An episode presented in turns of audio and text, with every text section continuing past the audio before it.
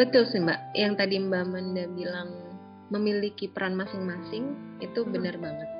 Jadi uh, dengan aku baca buku ini uh, di sini semacam diingatkan kembali kalau sebenarnya kita bis kita punya pilihan gitu ya.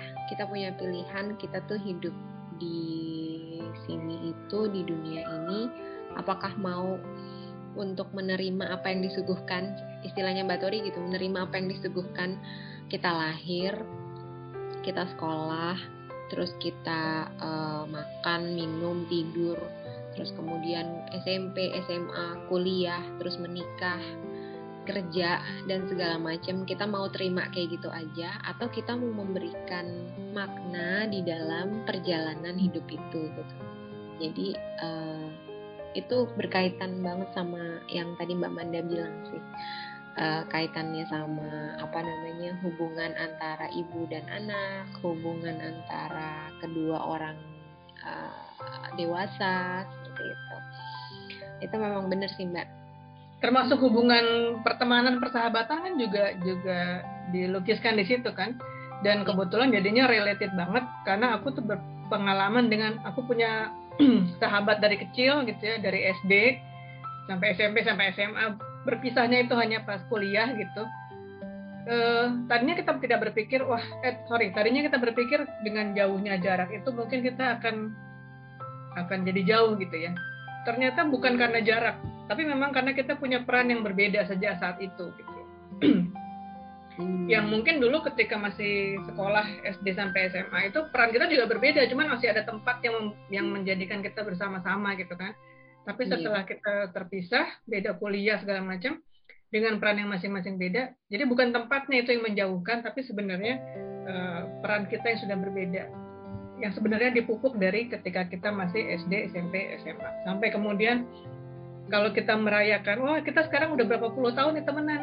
Sebenarnya itu perjalanan panjang yang masing-masing pasti uh, harus belajar banyak. Gitu. Itu yang ditunjukkan di bukunya Tori seperti itu sih. Tidak ada yang kebetulan nih Mbak. Hmm. Tidak ada yang kebetulan, jadi apa pun yang terjadi ya memang itu memang sudah peran kita, uh, peran kita ada gitu. Jadi memang harus kita jalanin dan, Dan bukan kebetulan juga kan kita ngomongin Nuswantara ini masih di 17-an. Bukan kebetulan.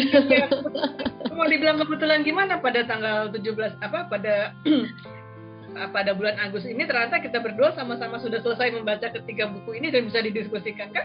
Itu kebetulan atau bukan Mbak Distu? iya. Dan ini sehari setelah hari kemerdekaan kita ya. Hmm. Kenapa justru yang dibicarakan itu adalah buku mengenai Nuswantara? itu di situ. Coba nanti kalau uh, saya ketemu Tori saya akan ceritakan ya bagaimana kita plus satu dari tujuh belasan kita bicara soal Nuswantara buku dia. Kenapa kok bisa tiba-tiba kayak begini ya kita disuruh gini. Cuman Mbak kemarin kan kita sempat ngobrolin bukunya Dan Brown ya, hmm. yang origin.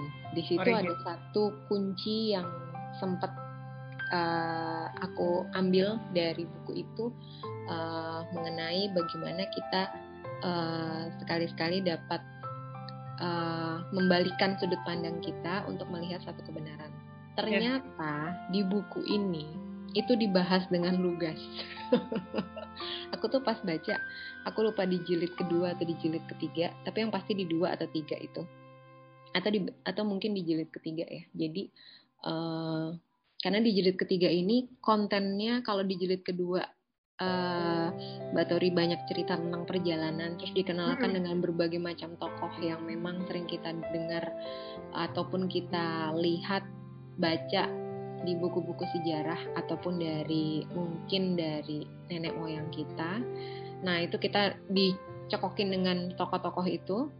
Begitu di buku ketiga ini lebih ke apa namanya? Lebih ke filosofi dasar hidup banget. Nah di sini kayaknya uh, yang aku pas aku baca beneran kayaknya di jilid ketiga ini. Jadi di situ dibilang bahwa uh, satu kebenaran itu adalah sesuatu yang um, kita tidak bisa bilang bahwa si A bilang itu benar, si B bilang itu benar dengan sudut pandangnya dia, si C itu bilang benar dengan sudut pandangnya dia. Jadi sebenarnya satu kebenaran itu kalau kita hanya melihat dari satu sisi yaitu bukan satu kebenaran yang sejati gitu sebenarnya gitu. Betul. Kalau kita melihat satu di sini sih Mbak Tori menggambarkannya dari uh, satu kubus ya satu kubus di mana di sini dia memiliki enam sisi, enam sisi yang memiliki beberapa warna. Mbak Manda ngelihat dari warna biru, aku ngelihat dari warna orange, uh, terus uh, yang lain melihat dari warna ungu, satu lagi melihat dari warna hijau. Nah, mereka sama-sama benar karena mereka kalau kita kalau kita tanya itu warna apa ya itu warna yang dia lihat gitu. Tapi mereka benar bukannya salah. Tapi kalau kita bisa melihat dari keseluruhan sudut pandang ya itulah kebenaran sejati gitu. Jadi aku tuh pas baca, ya Allah, bukan kebetulan juga ya berarti ya. Aku baca ini juga. bukan pas-pasan juga dengan apa yang sedang dialami gitu ya. Ya, iya, iya. Benar benar benar benar. Hmm. Itu ini banget sih, apa namanya? Uh, sangat sangat kena bagi ini buku untuk generasi muda bagus banget untuk yang uh, generasi menengah juga seperti diingatkan kembali. Nah, untuk generasi yang apa namanya yang memang sudah sangat senior sekali, ada yang bacanya mungkin senyum-senyum, ada yang bacanya mungkin loh masa sih gitu. Tapi ini Turangga Seta ini benar-benar mensuplai apa ya mbak? Mensuplai informasinya ini risetnya itu berarti sangat ini kali ya mbak sangat lama atau karena ini aku senangnya ini walaupun buku fiksi tetapi referensi yang diambil itu adalah referensi yang benar-benar ilmiah dan itu ada gitu dari serat babat segala macam yang memang uh, kalau orang sejarah seneng banget nih pasti dengar yeah.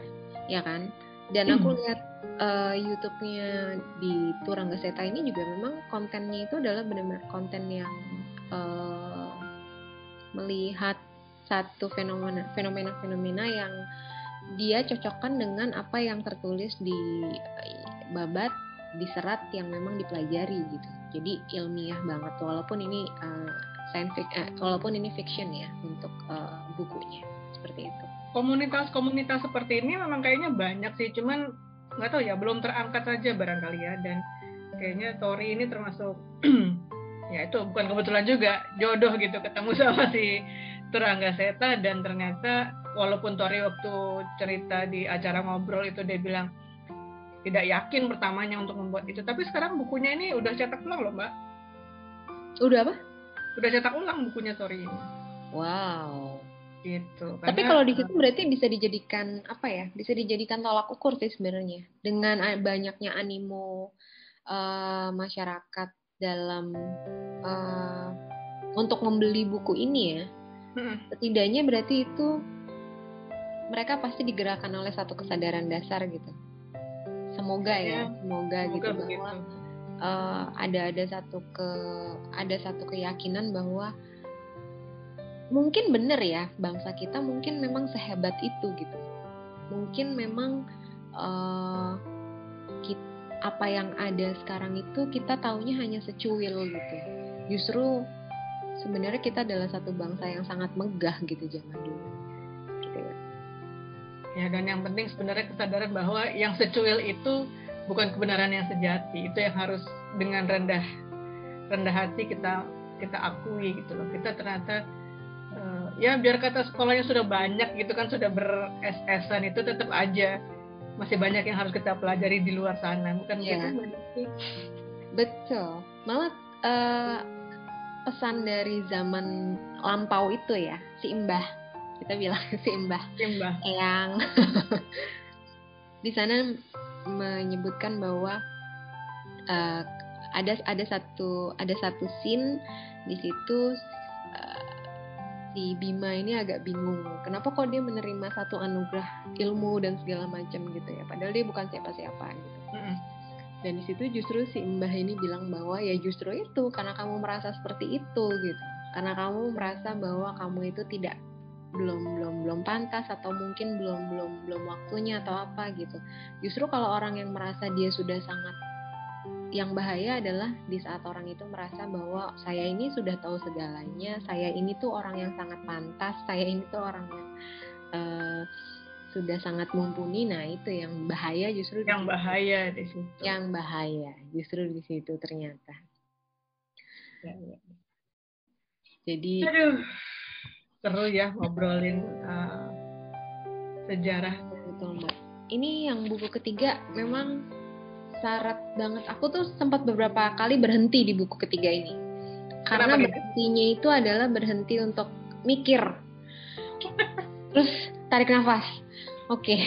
Jadi bener juga sih gitu. Karena dia terus gitu tuh. Terus uh, kalau di buku kedua adalah perjalanan, sifatnya dia perjalanan terus ketemu si Eyang, terus yang ini ini ini ini, ini berjalan dari satu kota ke kota lainnya mendapatkan satu pusaka dijelaskan pusaka itu apa seperti itu.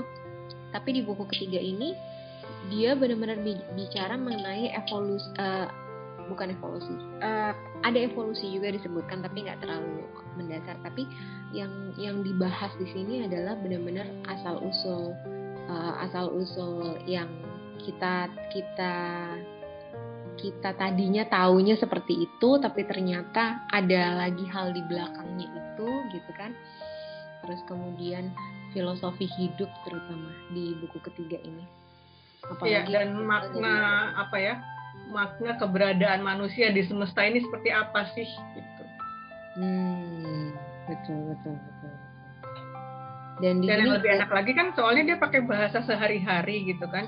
Jadi kita tuh kayak kayak related dengan bisa mengajak kita untuk berpikir ulang gitu mengenai makna. Ya jadi kalau memang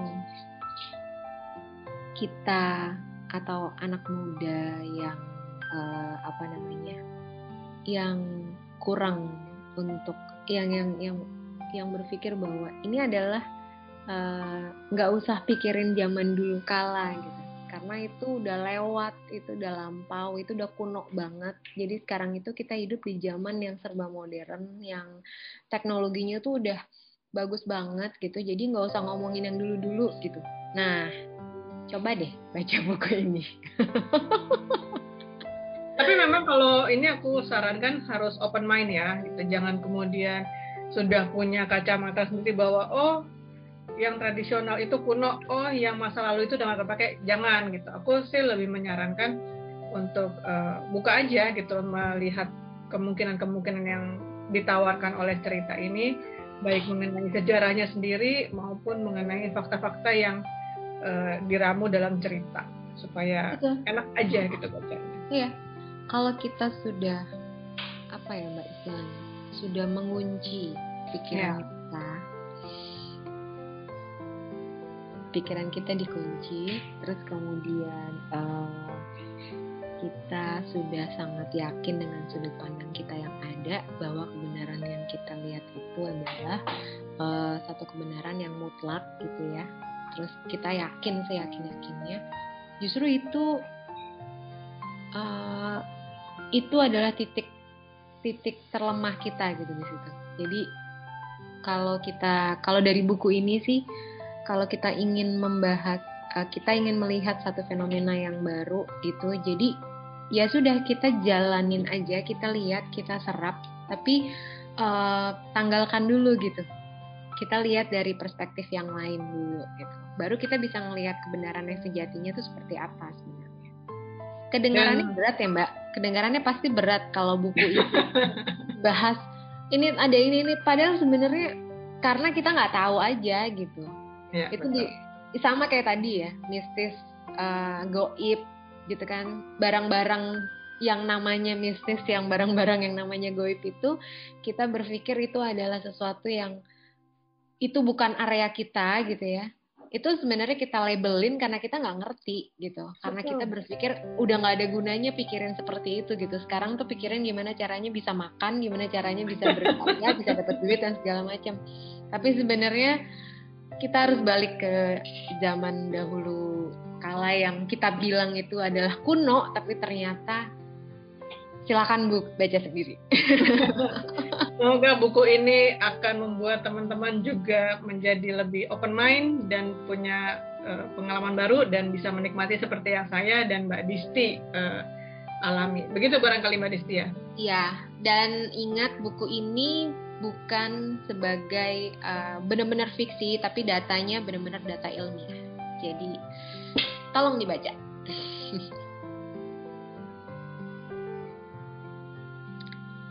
Oke, okay, kalau begitu sampai di sini sepertinya pembicaraan kita, obrolan kita, ngobrol kita biar tidak terlalu serius. Kita ngobrol sampai di sini, nanti kita akan berjumpa kembali dengan buku yang lain, dengan mungkin dengan pembicara yang lain, dengan dosen yang lain yang senang ngobrol. Oke, okay, okay. kalau gitu makasih Mbak Manda. Terima kasih juga Mbak Dis. Bye.